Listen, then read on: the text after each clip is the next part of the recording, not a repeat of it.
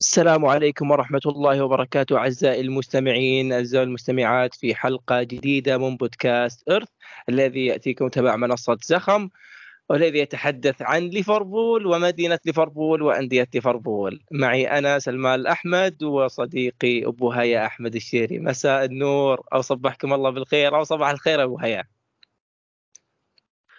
يا هلا ويا مرحبا يا أبو علي. الله يحييك و مساء وصباح سعيد عليك وعلى الأخوان المستمعين جميعا كل واحد بوقته. وإن شاء الله تكون حلقة جيدة ومثيرة. وجميلة جمال ليفربول هذا المساء.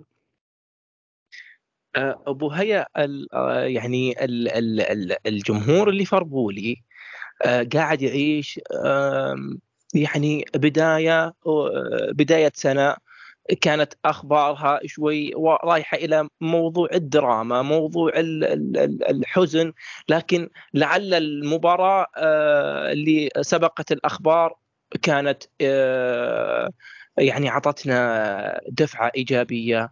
مباراتنا أمام أمام تشيلسي أعطتنا آه، يعني ابجريد عالي جدا وأعتقد إنه الجميع كان يعني بنسبة على الورق كان متوقع.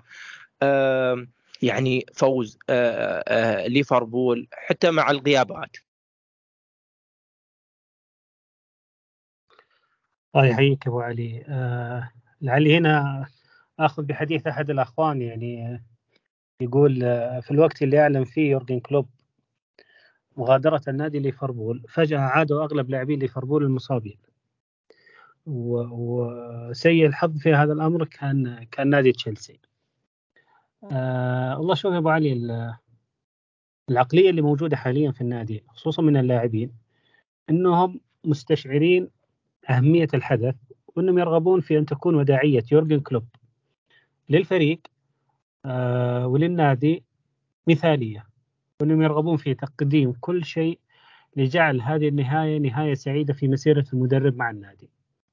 آه انعكس هذا الأمر على مباراتين وإن شاء الله أنه يستكمل هذا الأمر بقية الفريق والمدرب إلى نهاية الموسم وإحنا نشوف هذا الأمر آه، من نجاح إلى نجاح بإذن الله. وهي آه على على على صعيد الذكر مباراة آه أو الحديث اللي حدث مع يورجن قبل ان نسترسل في مباراة آه تشيلسي اللي راح نتكلم فيها بجميع تفاصيلها أبو هيا. آه، أبو هيا إحنا تكلمنا في حلقة استثنائية عن أمور كثيرة عن بقى عن رحيل يورجن كلوب وال والأمور النفسية والعقبات اللي ممكن تواجه الفريق. آه، أنت آه، ذكرت نقطة إن ممكن تكونها وتوقيت الخبر يشكل ضغط على اللاعبين. أبو هيا هل مباراة نورتش ومباراة تشيلسي أثبتت عكس ذلك أثبتت إنه اللاعبين وتصاريح اللاعبين أمثال كوناتي فان دايك كونر برادلي كيرتس جونز سيبذلون قصارى جهدهم آه، فوق طاقتهم آه، لإسعاد هذا الشخص اللي يستاهل آه، الإنجازات ويستاهل السعادة وهو سيد المدربين. هل هل شاهدت إنه هذا الضغط اللي أنت كنت متوقعه أو إنه ممكن يكون شكل سلبي توقعي آه، آه، آه، في هذه المباراتين. أعطتك ملامح إنه إنه والله هذا يكون يشكل ضغط إيجابي وليس سلبي؟ ما راح أقيس على على مباراة نوريتش ولا راح أقيس كذلك على مباراة تشيلسي. الناديين ابدا ما يعكسون الوضع النفسي والمعنوي لدى ليفربول. فريقين يعني نوريتش نادي Championship وتشيلسي نادي بعيد جدا جدا جدا عن المنافسة وعن المستوى اللي إحنا تعودناه من تشيلسي سنوات كثير جدا.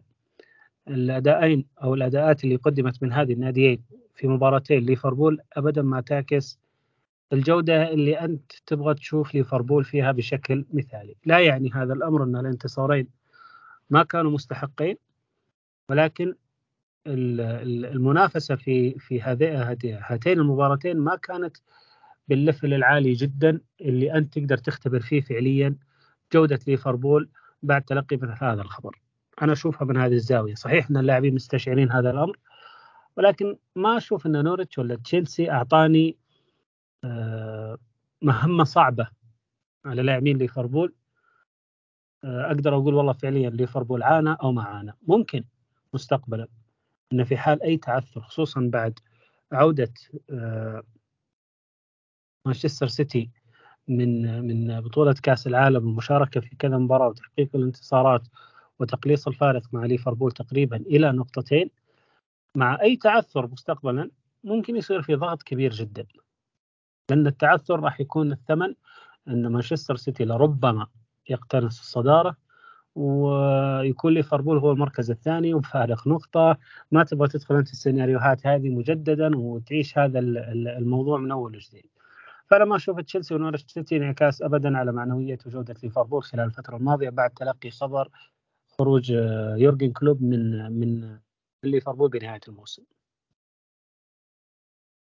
آه، طيب يا أبو حياء أنت مصر على على الكلام وأنه هذا ليس اختبار في هذه المباراتين لكن نشاهد الفريق إن شاء الله متبقي أكثر من 25 مباراة بإذن الله يكونون هذه المباريات مباراة الحصاد مباراة اللي تجعلنا سعيدين وتكون هذا الشيء ليس ضغط إنما هو شيء إيجابي يجعل اللاعبين يضعون المسؤولية الكاملة بشكل كامل. طيب أبو هيا آه ننتقل إلى المباراة مباراه تشيلسي اللي أعتقد إنه كانت ممكن آه، كانت بالمتناول.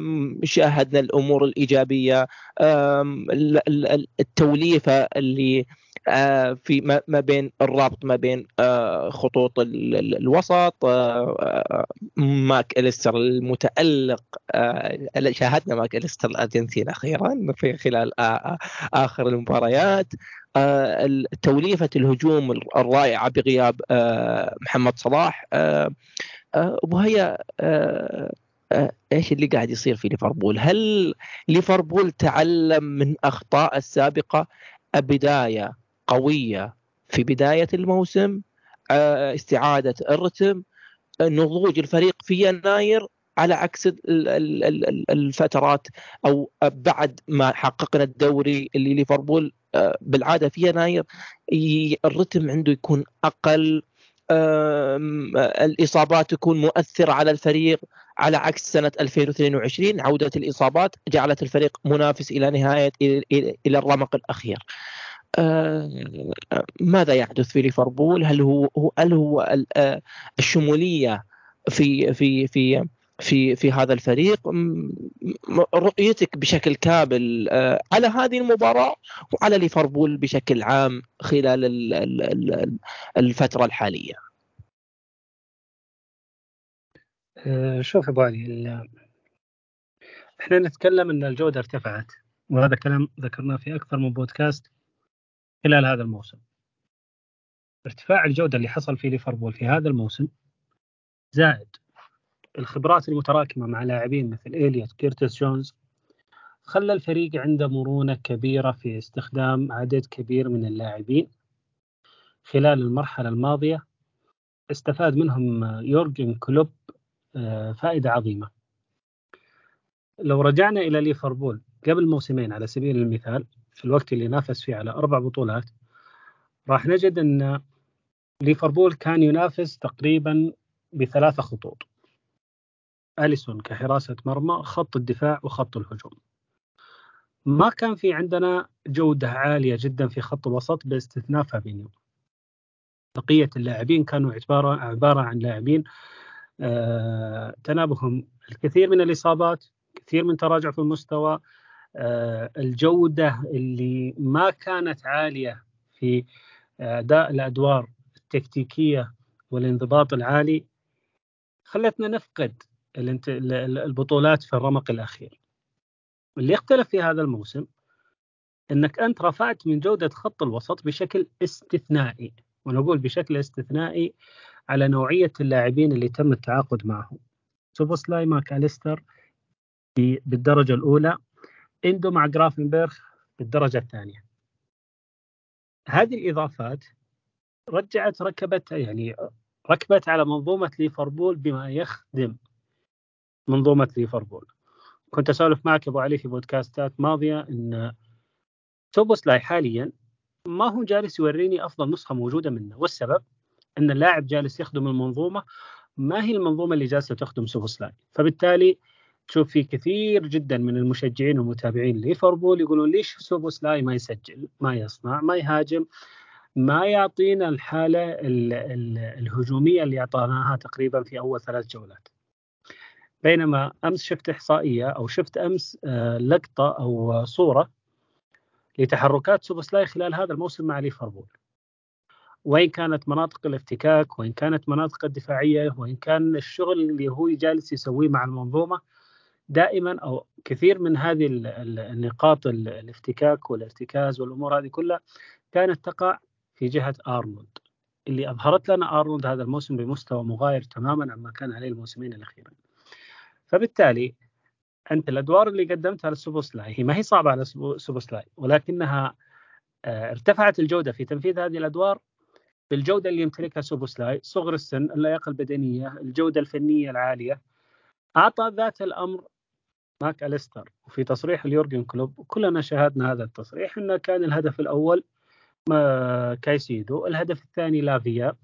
آه، أصبح الهدف القرار بالتعاقد مع إندو والعمل بالمتوفر. واكتشفنا في ماك أليستر الجودة العالية في تقديم مثل هذه الأدوار. ماك أليستر في تصريح كذلك سابق ليورجن كلوب ممكن قبل ثلاث أسابيع كان يقول إن اللاعب هو أفضل لاعب موجود حاليا في عملية الربط ما بين الخطوط بجودة التمريرات اللي يمتلكها اللاعب وبجودة الصعود بالكرة والاحتفاظ وبجودة نقل الفريق والكرة معه كأنه لاعب إذا استلم الكرة ما يخاف أنه يفقدها. عنده الجرأة أنه يمتلك الكرة ويصعد بالفريق. هذه الجودة تحديدا قد ما تكون متوفرة عند كايسيدو. قد لا تكون متوفرة عند لافيا. ولكن طريقة استخدام ماك أليستر بهذه الكيفية رفع من جودة الفريق بشكل كبير جدا. انعكاس هذا الأمر آه ماك أليستر هو أفضل لاعب في ليفربول تقريبا من سنوات طويلة في عملية الافتكاك واستعادة الكرات خلال المباراة الواحدة. الرقمين القياسيين خلال أتوقع آخر عشر سنوات كلاهما لماك أليستر اللي تفوق كذلك فيها حتى على فابينيو اللي كنا نعتبره واحد من أفضل محاور الارتكاز في العالم. فالعمل المنظومة هنا يا أبو علي أنت الحين ركبت الترس على الترس واشتغلت عندك المنظومة بشكل صحيح. فالجودة اللي امتلكها الفريق هذا الموسم قابلها حاجة ثانية أبو علي. أبو علي لعيبة الاحتياط اللي موجودين في ليفربول اليوم متعطشين جدا على لإثبات أنفسهم وجعل من أنفسهم آه، مهمة صعبة على يورجن كلوب من يبدأ أساسي ومن يبقى احتياط. اليوم كيرتس جونز وصل عمره 23 سنة الجودة اللي يمتلكها اللاعب مرعبة. فعليا اللاعب مرعب يا أبو علي. كمية الهدوء اللي يمتلكها هذا اللاعب في طريقة الاستلام والتسليم الضغط آه، عمل التمريرات المساندة الهجومية المساندة الدفاعية ما كان هذا اللاعب بنفس هذه الكيفية الموسم الماضي. والسبب؟ لاعب آه، زادت جودته بزودة بزيادة جودة اللاعبين اللي موجودين معه في الملعب. كذلك هارفي إليوت. اليوم محمد صلاح عنده غايب طريقة استخدام اللاعبين في الرواق الأيمن ما بين جوتا ما بين لويس دياز ما بين جاكبو وكذلك حتى نونيز. الفريق أبو علي جالس يركب على بعضه بشكل صحيح مهما كان الاسم الغايب. هذه الجودة لو امتلكها يورجن كلوب قبل موسمين كان اختلف الوضع تماما في المنافسة في الموسم قبل الماضي والمنافسة الموسم هذا. ولكن قدر الله ما شاء فعل. اليوم إحنا نجد إن فريق ليفربول فريق متوازن جدا. في جاهزية كبيرة جدا لدى يورجن كلوب على مستوى عدد اللاعبين. آه هذه هذه الجاهزية ما أثرت كثير على شكل الفريق في ظل الغيابات. يعني إحنا كنا نتكلم قبل 10 أيام. أرنولد روبرتسون سوبوسلاي محمد صلاح إندو هؤلاء كلهم غايبين مع ماتيب. أمس دكة ليفربول أرنولد روبرتسون اثنين من أفضل الأظهرة اللي موجودين على مستوى العالم. احتياط لجوميز اللي هو أساسا ما هو ظهير ايسر وللشاب الصغير برادلي. يعني طريقة العمل مع يورجن كلوب هذا الموسم مختلفة تماما عما كانت عليه الموسم الماضي. فهنا السؤال يا أبو علي اللي يجيك أنت.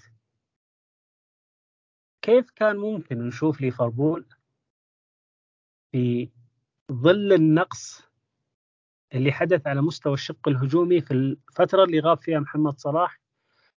كونه أعطانا أفضل ثنائية هذه الموسم على مستوى خط الهجوم مع نونيز. نونيز مع محمد صلاح غير وبدون محمد صلاح غير. كيف أنت تشوف أن اللي يورجن كلوب قول بهذا الأمر بطريقة ممتازة خلال المرحلة الماضية؟ وراح تمتد تقريبا إلى ما بعد مباراة أرسنال في ظل غياب محمد صلاح. وهي انت سألتني هذا السؤال وأنا شبه إني قاعد قاعد أشاهد ورفض تام لمشاركة نونز مع لويس دياز. وأنت أبو هيا نفس الكلمة ذكرتها لي في حلقات سابقة انه نونيز ولويس دياز لا يصلحون مع بعض في تركيبة واحدة. لكن هل الآن في الوضع الحالي بمشاركة نونيز إلى بمشاركة جوتا هو اللي جعل نونيز و...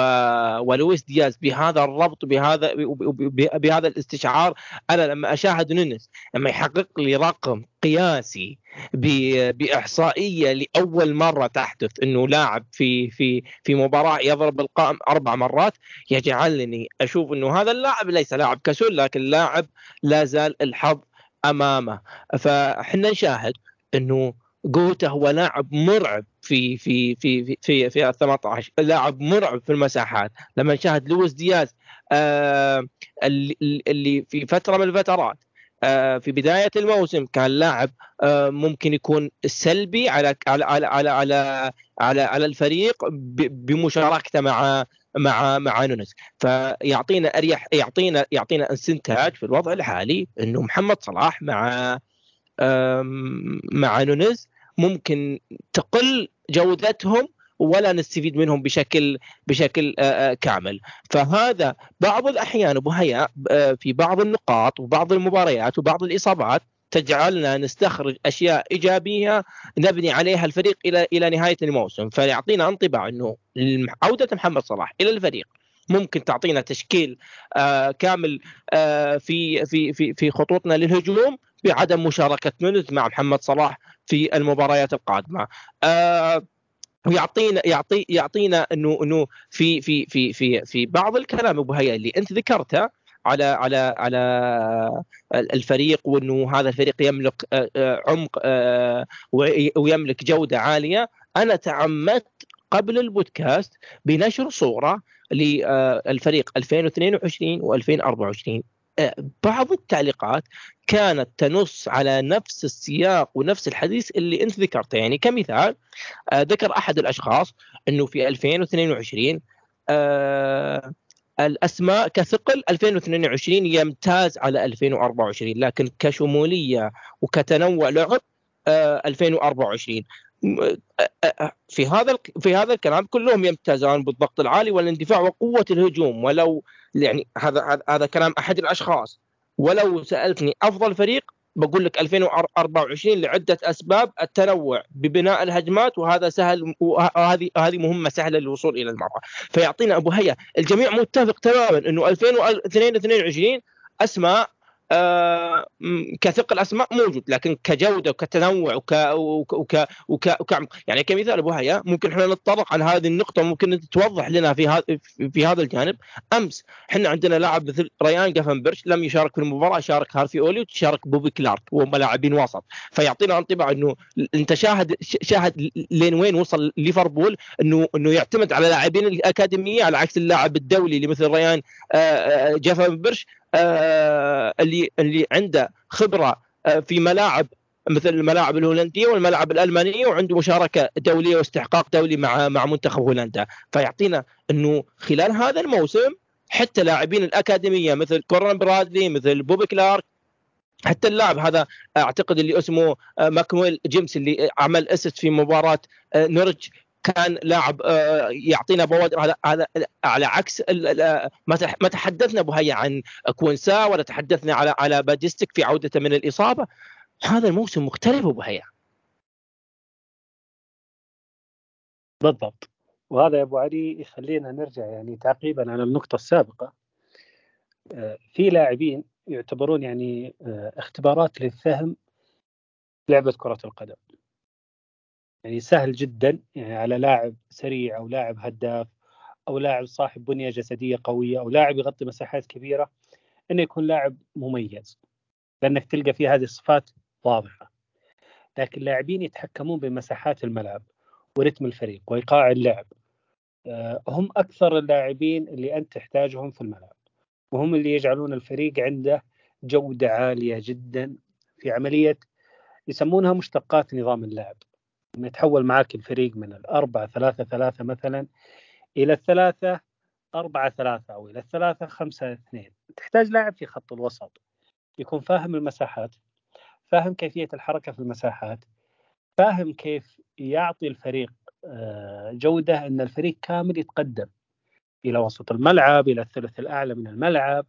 كيف يساعد الفريق على أنه يتراجع. آه، في لاعب يعني على مستوى التاريخ هو مشهور جدا بهذه الجودة اللي هو بوسكيت اليوم في ليفربول ماك أليستر واحد من اللاعبين اللي جالس يعطيك هذه الأفكار في الملعب. تحس إن اللاعب فاهم اللعبة.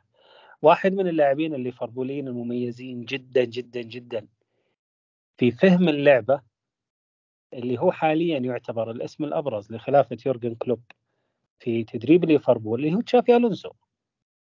واحد من أكثر اللاعبين اللي أنا استمتعت فيهم في فهم الملعب فهم المساحات طريقة تحريك الفريق بالكامل. الفريق لما ينزل وهذا الكلام أنا قلته قبل شوية لما أقول لك إن اللاعب يساعد الفريق في عملية الاستحواذ يساعد الفريق في عملية البناء يساعد الفريق في عملية تدوير الكرة يساعد الفريق في عملية الصعود بالكرة يساعد الفريق في عملية الانكماش في عملية الارتداد. زد عليها إنه ممتاز جدا في عملية الافتكاك. هذه الجودة اللي أنت اليوم امتلكتها جالسة تغطي على بعض الأخطاء اللي ممكن تصير أثناء المباريات بعض ال سوء الحظ اللي يلازم بعض اللاعبين في كثير من المباريات وأنت هنا استعرضت نونيز. فترة الغياب اللي غاب فيها ديجو جوتا كانت شبه فترة يعني فيها شوية شحوب في عملية تسجيل الأهداف من قبل مهاجمين ليفربول. كان وقتها المعوضين هم لعيبة خط الوسط في التسجيل. فامتلاكك اليوم بهذه الجودة يعني أنا بالنسبة لي اللي يسويه ماك أليستر هذا الموسم عن اللي سواه خط خط وسط ليفربول في موسم 22 آه، بالكامل. الوحدة ماك أليستر أقارنه في خط الوسط هذاك. فحتى وقتها أنا أذكر عندي تغريدة في عام 22 كنت أقول فيها يعني في ستة سبعة لاعبين في ليفربول مجموع أهدافهم في الموسم كامل تقريبا 14 آه، هدف في ال 14 هدف تقريبا ضربتين جزاء. رودري الوحدة الوحدة سجل سبع أهداف الوحدة رودري. خط وسط مانشستر سيتي تقريبا ساهم في هذاك الموسم تقريبا حدود 45 هدف. شايف ال gap الكبير ما بين خط وسط ليفربول 2022 مع خط وسط مانشستر سيتي؟ ال gap الكبير هذا من من يقدر يغطيه لك بالجودة؟ اليوم أنت جالس تأخذ هذا الأمر عن طريق خط وسط ليفربول. اليوم نشوف سوبوسلاي يسجل نشوف ماكاليستر يسجل نشوف سوبوسلاي يصنع ماكاليستر يصنع كرتس جونز يسجل ويصنع. كذلك هارفي إليوت كذلك جرافنبرغ. عندي خمسة لاعبين. إندو مباراة فولهام لما نزل وسجل عندي الحين ستة لاعبين إذا وجدوا الفرصة المناسبة للتسجيل يسجلون.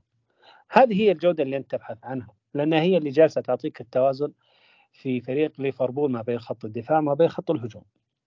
إحنا ما نبغى نكثر الحديث عشان ما نتأخر في الدخول على مباراة تشيلسي ولا يكون الحديث يعني آه، آه، ممل للسادة المستمعين كونهم ممكن يبغون أكثر يسمعون عن مباراة تشيلسي اللي هنا يبدأ السؤال أبو علي. كيف يورجن كلوب فكر إنه يبدأ هذه المباراة بجوميز وبرادلي على حساب روبرتسون وأرنولد؟ كيف شفت هذه البداية؟ يعني هل حسستك بشوية من الخوف شوية من الاستعجاب أو الغرابة إن المدرب كيف يبدأ باثنين أظهرة؟ يعتبرون حالة طوارئ. في ظل وجود اثنين أظهرة جاهزين هم يعتبرون الأساسيين ليفربول خلال المواسم السابقة، كيف شفت هذه البداية أبو علي؟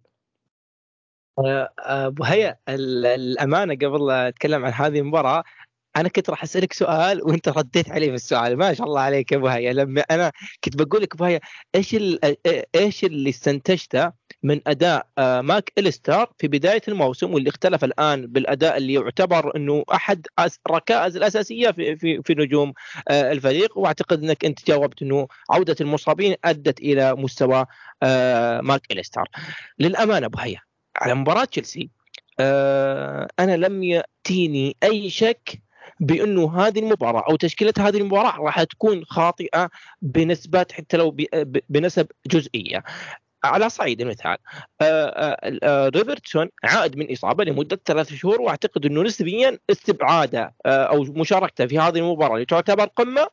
مهما كانت الظروف للفريقين تجعله مستبعد بشكل كامل وأداء جوميز. في هذه في في في في في فترته من بداية الموسم إلى الوضع الحالي يعطينا إنه انطباع مطمئنين حتى لو حتى في فترة من الفترات وهي أذكر الكلام بشكل تفصيلي. لما ذكرنا إنه جوميز مهما كانت السلبيات وأداء ورجوع مستوى في الظهير الأيسر هو لاعب لا يلام لأنه يلعب في مركز غير مركزه لكن هو وجوده في هذا المركز كان على قد التطلعات وعلى قد الثقة اللي أعطيه من الطاقم الفني. فأنا لم يأتيني أي شك في مشاركة جومز بالعكس أنا كنت أشاهد هذا اللاعب وأنا مطمئن إنه هذا اللاعب راح يقدم الإضافة وراح يكون لاعب ليس نقطة ضعف على الفريق. برادلي للأمانة أبو حياء أنا هذا اللاعب متابعة بشكل كبير في فترة إعارته الموسم الماضي وتكلمت في بداية الموسم إنه هذا اللاعب راح يكون لاعب بديل لأرنولد وعندنا ثقة في هذا اللاعب لكن لولا الإصابات لولا الاصابه اللي تعرض لها في في فترة ال pre-season كان شاهدنا هذا اللاعب أساسا عمل rotation مع أرنولد ولا راح يجيني شك إنه ممكن نشاهد في فترة إصابة ماك إليستر. انه نشاهد هذا اللاعب أساسي وأرنولد يشارك في مركز الارتكاز. لكن للأمانة الثقة الربط ما بين الخطوط آه، آه، الفعالية الهجومية الأمانة آه، أعطتني صدمة إنه هذا اللاعب نملك لاعب يعني من زمان ما شاهدنا وهي لاعب بالأكاديمية بهذا ال بهذا ال الخم للأمانة أتعب أتعب أتعب لاعبين تشيلسي بشكل لا يمكن. يعني آه، لو أرنولد بشكل بشكل أساسي أعتقد إنه ما شكل هذا الضغط وهذا أو هذه الفعالية الكبرى بسبب الإصابة اللي تعرض لها آه، لها أرنولد وشارك بشكل آه، أساسي. ف برادلي هو هو هو استكشاف يورجن كلوب أعتقد في آخر خمس مباريات هو كان هو كان نجم الفريق. تحصل على أفضل لاعب في مباراة تشيلسي. تحصل أفضل لاعب في مباراة نورتش كان مساهم في خمس مباريات بمعدل خمس أهداف. وهي آه، لم يأتيني أي شك في آه، مشاركة آه، برادلي ولا مشاركة جوميز يا ابو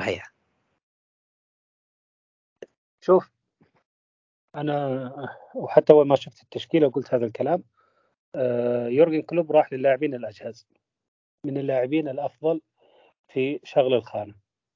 نقطة. النقطة الثانية آه، أنا اليوم عندي جوميز جالس يعطيني مستويات ممتازة جدا على مستوى التحولات الدفاعية. وهذا جالس يعطيني أريحية أكبر على الشق الآخر من الملعب إن برادلي جالس يقدم نفسه بمستوى جيد وجالس يعطيني مساهمات. فأنا هنا أخلق حالة من التوازن ما بين الرواق الأيمن والرواق الأيسر في عملية الصعود والعودة والهجوم والدفاع. اللي إحنا نرجع نسميها مشتقات نظام اللعب. اللي يتميز فيه برادلي خلال هذه المرحلة عن أرنولد. في حاجة مهمة. برادلي ممتاز في مهاجمة المساحة. برادلي ممتاز في عملية الصعود والصعود إلى مناطق عالية جدا يغطي فيها غطي فيها غياب محمد صلاح.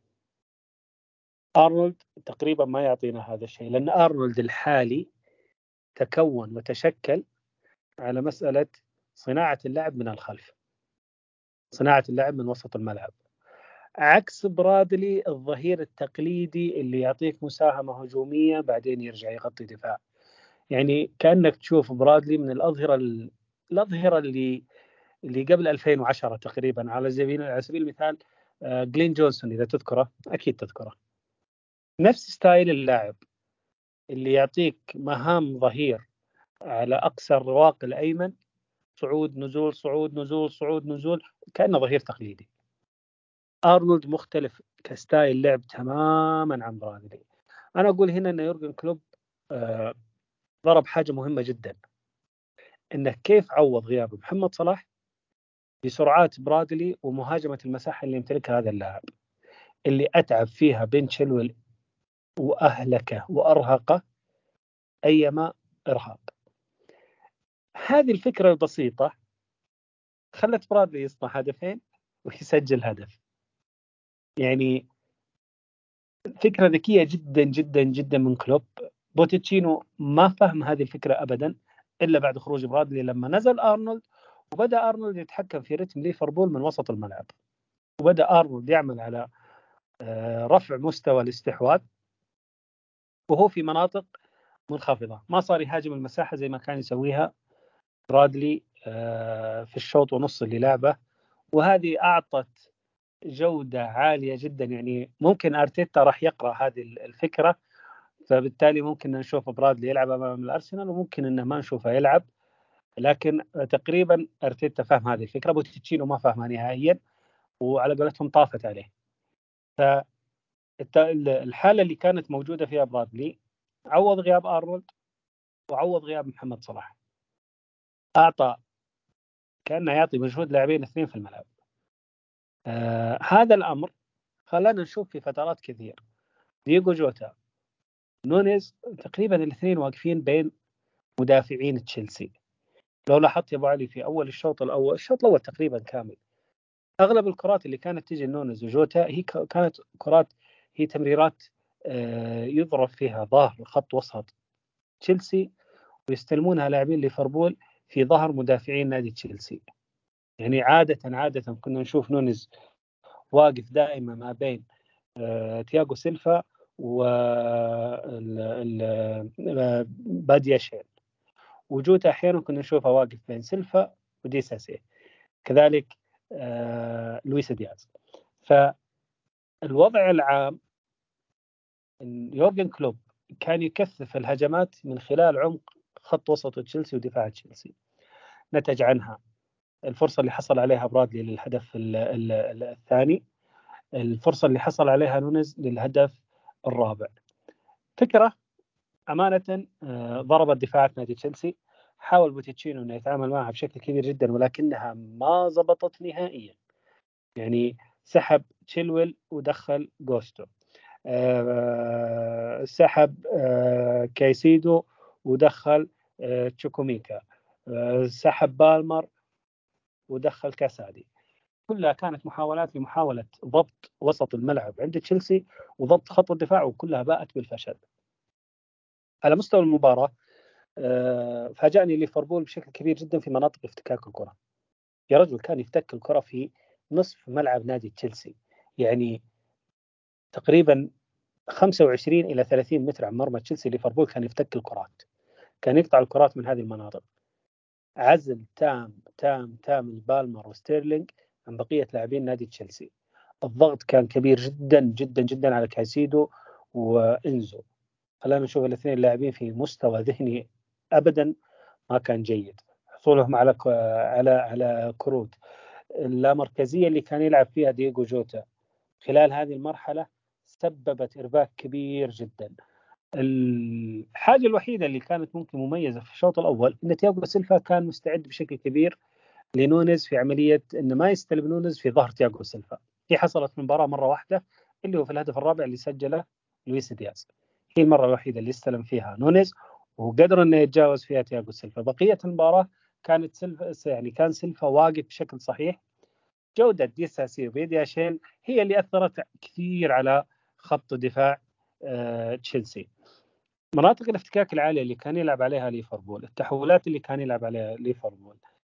الروقان اللي كان يلعب فيه لويس دياز ودييغو جوتا وكيرتيس جونز خلتنا نشوف ليفربول بمستوى ذهني وحضور ذهني عالي جدا.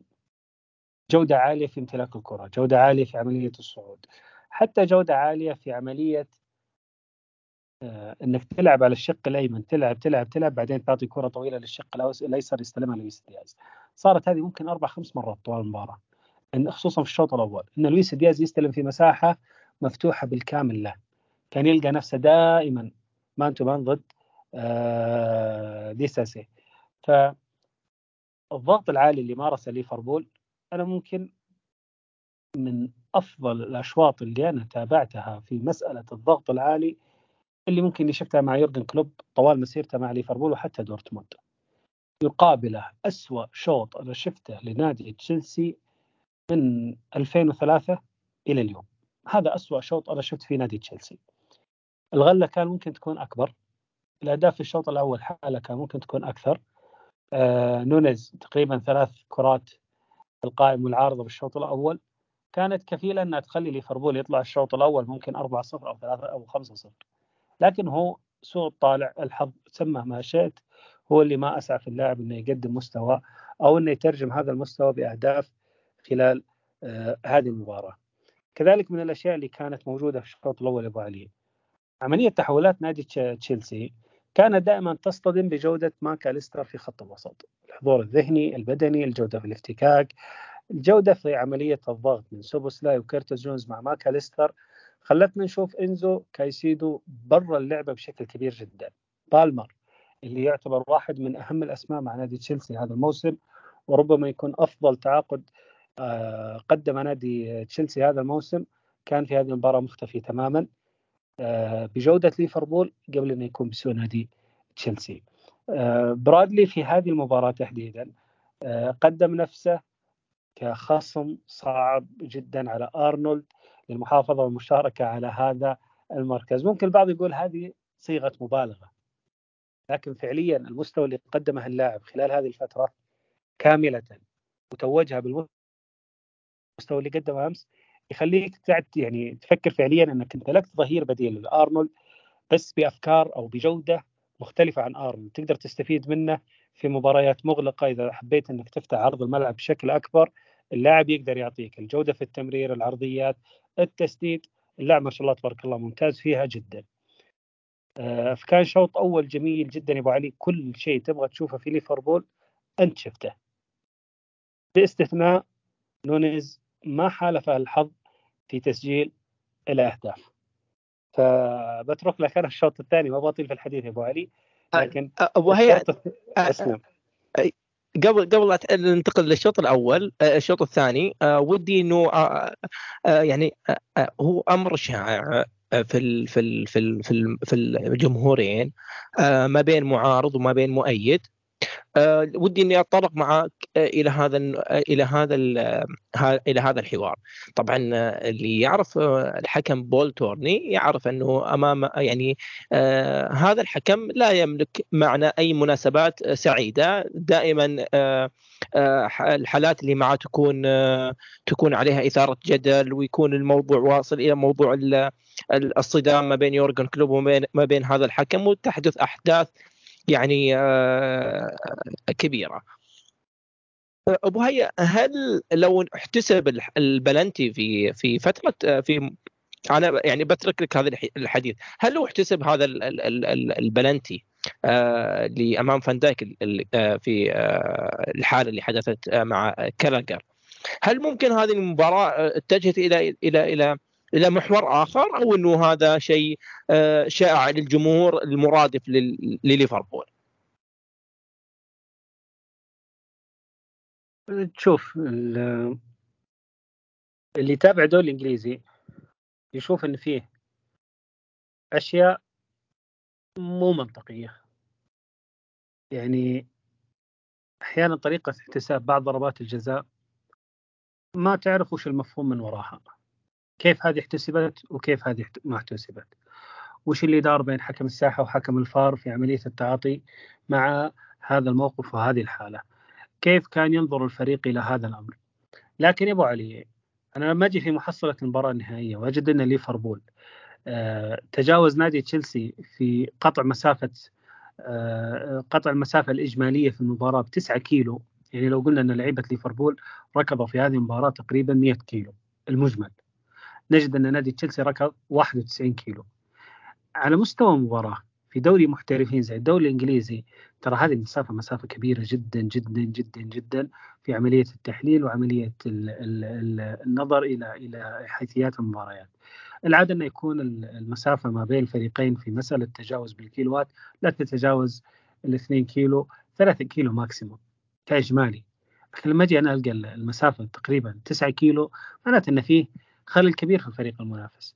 ف ضربة الجزاء اللي يقال إنها ضربة جزاء على كلاجر أنا شخصيا ما أرى إنها ضربة جزاء لأنه ما هو الاحتكاك اللي يمنع اللاعب من السيطرة على الكرة ولا هو الاحتكاك اللي يمنع اللاعب من عملية اتخاذ القرار المناسب حتى في الشوط الثاني اللقطة اللي تعرض لها نكونكو واللي يقول البعض إنها ضربة جزاء طريقة تفاعل اللاعب بعد الاحتكاك مع فان دايك أبو علي اللاعب بالغ في في في في التمثيل بتعرضه للإصابة. بالغ جدا جدا جدا في هذا الأمر. آه، في النقيض تماما تلقى لك مشجع ليفربول راح يقول لك آه، وأنا كذلك الأربع كرات اللي اللي تعار اللي اللي ما توفق فيها نونيز في آه، تسجيلها لو توفق فيها نونيز كان اختلف الموضوع باحتساب ركلة الجزاء أو بدونها. نادي تشيلسي ما كان الند ليفربول في هذه المباراة وهذه حقيقة. نادي تشيلسي بالأمس ما كان الند الحقيقي لليفربول في هذه المباراة. الفريق من أول عشر دقائق إلى أول ربع ساعة راح تجد أن تحولاته خلال المباراة كاملة صناعة الفرص والهجمات والتسديدات رقم آه ضعيف جدا مقارنة باللي عمله ليفربول. ليفربول الأهداف المتوقعة عنده في المرمى 3.74 يعني 3.74 نادي تشيلسي 0.6 يعني حتى ما وصل الواحد. ليفربول معناته أن عنده ترجمة الفرص إلى أهداف كانت أعلى بكثير من نادي تشيلسي. تسديدات على المرمى.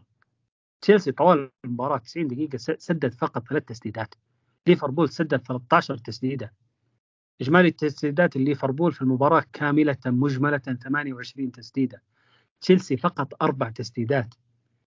الأهداف المتوقعة ليفربول 2.9 تشيلسي فاصلة 58 يعني يعني تقريبا نصف فرصة فقط هي اللي كانت أو اللي صنعها نادي تشيلسي اللي هي مهارة كونكو هي اللي أعطت تشيلسي هذا الهدف. يعني مهارة استثنائية من اللاعب أكثر من أنه لعب جماعي من الفريق عكس ليفربول. ما فيه آه يعني ما كان فيه حقيقة إحنا ما نبغى نقول بعض الكلام اللي زعل بعض الأخوان التشيلساويه ولكن فعليا تشيلسي امس ما كان منافس لليفربول ولا أعطاني ابدا أي بوادر من بداية المباراة إنه راح يكون خصم صعب لليفربول. يعني هذه المباراة ما ما هي نفسها مباراة أول جولة في الموسم لما تعادل الفريقين واحد واحد. مستوى تشيلسي هذيك المباراة كان أفضل بكثير رغم إنها أول جولة في الموسم وما إلى ذلك. فتشيلسي أمس مسألة التحجج أو مسألة النظر إلى الأخطاء حتى لقطة ديوغو جوتا في تداخله مع بن شيلول اللي نتج عنها الهدف الثاني لبرادلي. أبو علي بسالك سؤال يعني هو سؤال بسيط جدا. من الذي يبحث عن المساحة؟ ومن اللي يبحث عن الخطأ؟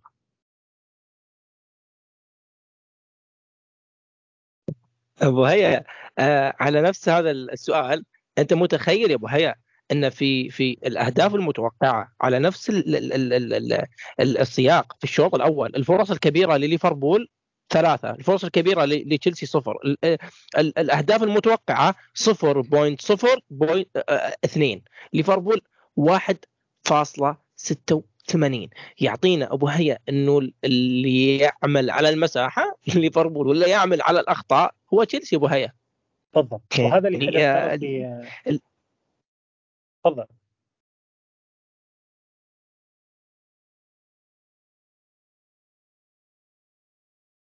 اللي يخليني ابو علي خليني ابو علي أرجع لهدف هدف برادلي.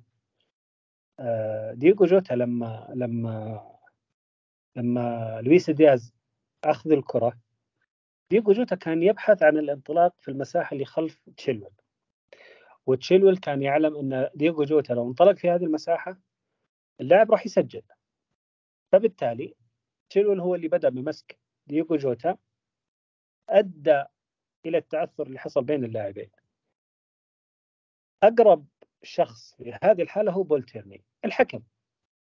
وهو أول من أعطى الايعاز باستمرار الهجمة. معناته ان الخطا لدييغو جوتا وليس لبن تشيلويل. يعني حرفيا ليفربول امس أنا عشان كذا أنا أقول لك هذا أسوأ شوط أنا شفته النادي تشيلسي يمكن من 20 سنة. اللي عمل أمس ليفربول في المباراة إنه فكك تشيلسي بالكامل. وما ترك لهذا الفريق أي فرصة فعليا خصوصا في الشوط الأول إنه يشكل تهديد على مرمى أليسون. تحسن فريق تشيلسي صح بعد نزول إنكونكو. تحسن الفريق في عملية الاستحواذ بعد ما نزل إنكونكو. تحسن الفريق في عملية صناعة الفرص بعد ما نزل إنكونكو. لكن ما قبل ذلك تشيلسي كان هباء منثورا ففي أي رقم أنت راح تبحث عنه في مباراة الأمس على المستوى الهجومي راح تجد أن ليفربول الأفضل. راح تجد ليفربول الأعلى جودة. عكس نادي آه تشيلسي. واحدة كذلك من الأمور اللي أثرت على تشيلسي بالأمس اللي هي كثرة تلقي البطاقات الصفراء خصوصا في الشوط الأول. أثرت كثير حتى على نفسيات اللاعبين. تحت هذا الضغط تقريبا تقريبا خلت اللاعبين خارج المباراة من وقت مبكر. يعني أنت وصلت إلى الدقيقة 41 عندك أربع لاعبين من نادي تشيلسي حصلوا على كروت صفراء تقريبا كايسيدو وإنزو فرنانديز وبن تشيلويل وديساسي حرفيا أمس ليفربول ما ترك لتشيلسي المجال إنه يواجه الهجمة بهجمة الضغط بضغط الند بند ابدا. كان ليفربول صاحب الكعب الأعلى. الهدف الثالث لو ترجع لي أبو علي وكانه حصة تدريبية حرفيا طريقة تدوير الكرة طريقة الهجوم نقل الكرة من الشق الأيمن إلى الشق الأيسر. آه نونيز يعني أنت الكرة في البداية كانت موجودة عند أرنولد في الظهير الأيمن. انتهت بصناعة الهدف من الجناح الأيسر من نونيز للويس دياز. الكرة تقريبا لمت على أو آه، مرت على جميع لاعبين ليفربول في الملعب تقريبا الكل. ممكن أليسون مرت عليه وممكن ما مرت عليه. بقيه لاعبين الفريق تقريبا يا أبو علي بالكامل مرت عليهم قبل تسجيل الهدف الثالث. ممكن إنك ترجع أنت تجوجل الهدف الثالث وأنتظر منك تغريدة عن هذا الأمر يا أبو علي. راح تجد إن جميع لاعبين ليفربول مرت عليهم الكرة قبل تسجيل الهدف الثالث. ولا لاعب من تشيلسي حاول اعتراض أو عمل خطأ تكتيكي أو محاولة لردع ليفربول من هذا الهدف. هذا يعطيك انطباع يا أبو علي ان إن تشيلسي أمس ما كان منافس لليفربول في هذه المباراة. ابدا. وهي آه أنت ذكرت الهدف الثالث. الشوط الثاني إذا بنف... بنتكلم فيه وبنفصل فيه راح يلخص راح يلخص الهدف الرابع اللي أساسا جميع اللاعبين شاركوا في هذا الهدف. بس آه ب... ب... بما فوقهم هو أليسون يا أبو هيا. الهدف الرابع عفوا اللي سجله لويس دياز. لويس دياز اي شارك فيه حتى أيوة أنا ممكن ترجع له ابو يعني أيوه أنا أقصد الهدف الهدف الرابع. لخبط بين هدف سوبسلاي لا هو الهدف الرابع. الهدف الرابع جميع لاعبين ليفربول مرت الكرة عليهم. أبو علي هذا الهدف هذا الهدف هدف تسويه في تدريبات ما تسويه في مباراة رسمية. في وقت دخل عندك مرحلة شك إن تشيلسي ممكن يرجع في المباراة. يعني الهدف كان تقريبا في الدقيقة 79 بعد هدف تشيلسي بسبع دقائق أو أو أو بثمان دقائق. اللي هي كانت الفترة اللي تشيلسي كان يحاول إنه يعود في المباراة. تستقبل هدف بهذه الكيفية وبهذه الطريقة. هنا في واحد ملام داخل تشيلسي اللي سمح بوضع تشيلسي يصل إلى هذه المرحلة. فما كان من مع العلم أبو علي لو ترجع لبعض الأرقام في نهاية المباراة راح تجد إن الفريقين بأرقام متقاربة جدا في عمليه التمريرات. مجمل التمريرات. بمجمل التمريرات الصحيحة. آه بالاستحواذ كذلك. يعني تتفاجأ في الأخير أن في أرقام الفريقين كانوا متقاربين فيها. لما ترجع أنت تبحث عن آه هذه الأمور إيش اللي يعني رفع من جودتها تجد أن نكونكو بعد ما نزل تقريبا هو اللي قدر يحول تشيلسي على المستوى الهجومي ويحاول إنه يربط بين خط الوسط وخط الهجوم. اللي هي المهمة اللي فشل فيها ستيرلينج طوال المباراة. لاعب من أسوأ المباريات اللي ممكن يعني ممكن تخطر على بالك. لاعب يلعب عندك 90 دقيقة تقريبا. يمرر فقط 20 تمريرة صحيحة أو 13 تمريرة صحيحة. 90 دقيقة كاملة ستيرلينج يلعبها. فقط 13 تمريرة صحيحة اللي مررها. هذا يبين لك إن العمل اللي قام فيه أمس ليفربول هو عمل استثنائي كبير جدا. شاء الله إن هذه الحالة تستمر هذه الفورمة تكون موجودة. عودة المصابين ومشاركتهم أعطت شوية آه، فرصة أكبر للتحضير لمباراة الأرسنال. آه، نقطة مهمة وهذه دائما تصير مع يورجن كلوب. في اللحظات اللي يفقد ليفربول فيها الرتم هي اللحظات اللي تيجي بعد التبديلات. أمس يورجن كلوب سوى أربع تبديلات دفعة واحدة. واللي نزل فيها آه، روبرتسون آه، أرنولد هارفي إليوت وجاكبو بدلا من ديجو جوتا برادلي وجوميز وصلا الأربعة نزلوا تقريبا في الدقيقة 69 هدف تشيلسي جاء في الدقيقة 71 وتكلم يورجن كلوب عن هذه النقطة. إن عندي جودة في الدكة زي أرنولد وروبرتسون لكن ما عندهم رتم المباريات. لما دخلوا الأربعة أنت فقدت الرتم في الدقيقتين. الدقيقتين هذه هي اللي أعطت تشيلسي الهدف اللي سجله آه إنكونكو بمجهود فردي أكثر منه عمل جماعي. فمباراة يا أبو علي على جميع القياسات على جميع المقاييس على جميع النقاط اللي أنت تبغى تتكلم فيها راح تجد إن ليفربول أفضل من نادي تشيلسي. جميع ليفربول لاعبين ليفربول قدموا مباراة على أعلى مستوى. نقول إن نونيز ما ساعده الحظ في ترجمة هذه الفرص إلى أهداف محققة. إن شاء الله إنها تكون حافز للاعب إنه يكون الجولات القادمة بشكل أفضل. هذا لا يعني إن اللاعب ما هو جالس يقدم عطاءات ممتازة ابدا. اللاعب جالس يعطيك جودة في الملعب. يعني لو ترجمت إلى أهداف راح تجد انه من أكثر المهاجمين المتكاملين داخل البريمير ليج. إن شاء الله إنه مع الوقت يصير هذا الأمر. في ظل آه، غيابات كثير جدا خلال هذه الفترة تجد إن فريق ليفربول في سلسلة انتصارات متوالية بجودة ممتازة جدا. آه، عودة المصابين حاليا راح تترك آه، أريحية أكبر ليورجن كلوب في التحضير للمباريات القادمة. واحدة من أصعب المباريات خلال المرحلة المقبلة هي مباراة نادي أرسنال. مباراة حرفيا تعتبر مباراة منافسة بين فريقين على لقب الدوري. إن شاء الله أن ليفربول راح يقدم في هذه المباراة المأمول منه ويحقق فيها انتصار. إن شاء الله أن نشوف ليفربول في نهاية شهر فبراير وهو الأهم يكون في صدارة الترتيب مع تعثر تعثرين إن شاء الله الأرسنال ومانشستر سيتي تعطي أريحية في المنافسة في بقية آه، الجولات قبل مواجهة ليفربول ومانشستر سيتي. بإذن الله يا وبايا بإذن الله أن تكون هذه ال ال ال ال ال ال يعني مباراة أرسنال هي نهائي مبكر ونهائي تجعلنا نضع أقدامنا على بطولة الدوري والبطولات الأخرى اللي راح تكون عندنا بإذن الله نهائي الكرباو وبإذن الله نهائي كأس الاتحاد واليوروبا ليج البطولة اللي منافسين عليها. أبو هيا شكرا لك يا أبو هيا شكرا لك أتعبت من بعدك يا أبو هيا. الله يحييك أبو علي و ابدا يا حبيبي مكملين البعض وإن شاء الله إن قدمنا الفائدة من خلال هذا البودكاست. آه، حلقة مثرية. يعني إن شاء الله إنها يعني كذا توازي شوية المتعة اللي إحنا قابلناها في مباراة ليفربول وتشيلسي. آه، وإن شاء الله إنه راح يكون في حلقة بإذن الله بعد مباراة أرسنال كذلك. نسولف فيها أبو علي ونبارك البعض بنتيجة الانتصار. وإن شاء الله إن ديجو جوتا يكون حاضر لأنه فعليا اللاعب الأكثر تميزا في مواجهات الأرسنال. بإذن الله يا أبو هيا بإذن الله. شكرا لكم أعزائي المستمعين. لا تنسوا الاشتراك في جميع منصاتنا آه، في بودكاست إرث وفي برامج آه، زخن. ما نستغني عن اقتراحاتكم واي استفسار في الرابط أسفل الحلقة. نلقاكم قريبا في الحلقات القادمة. شكرا.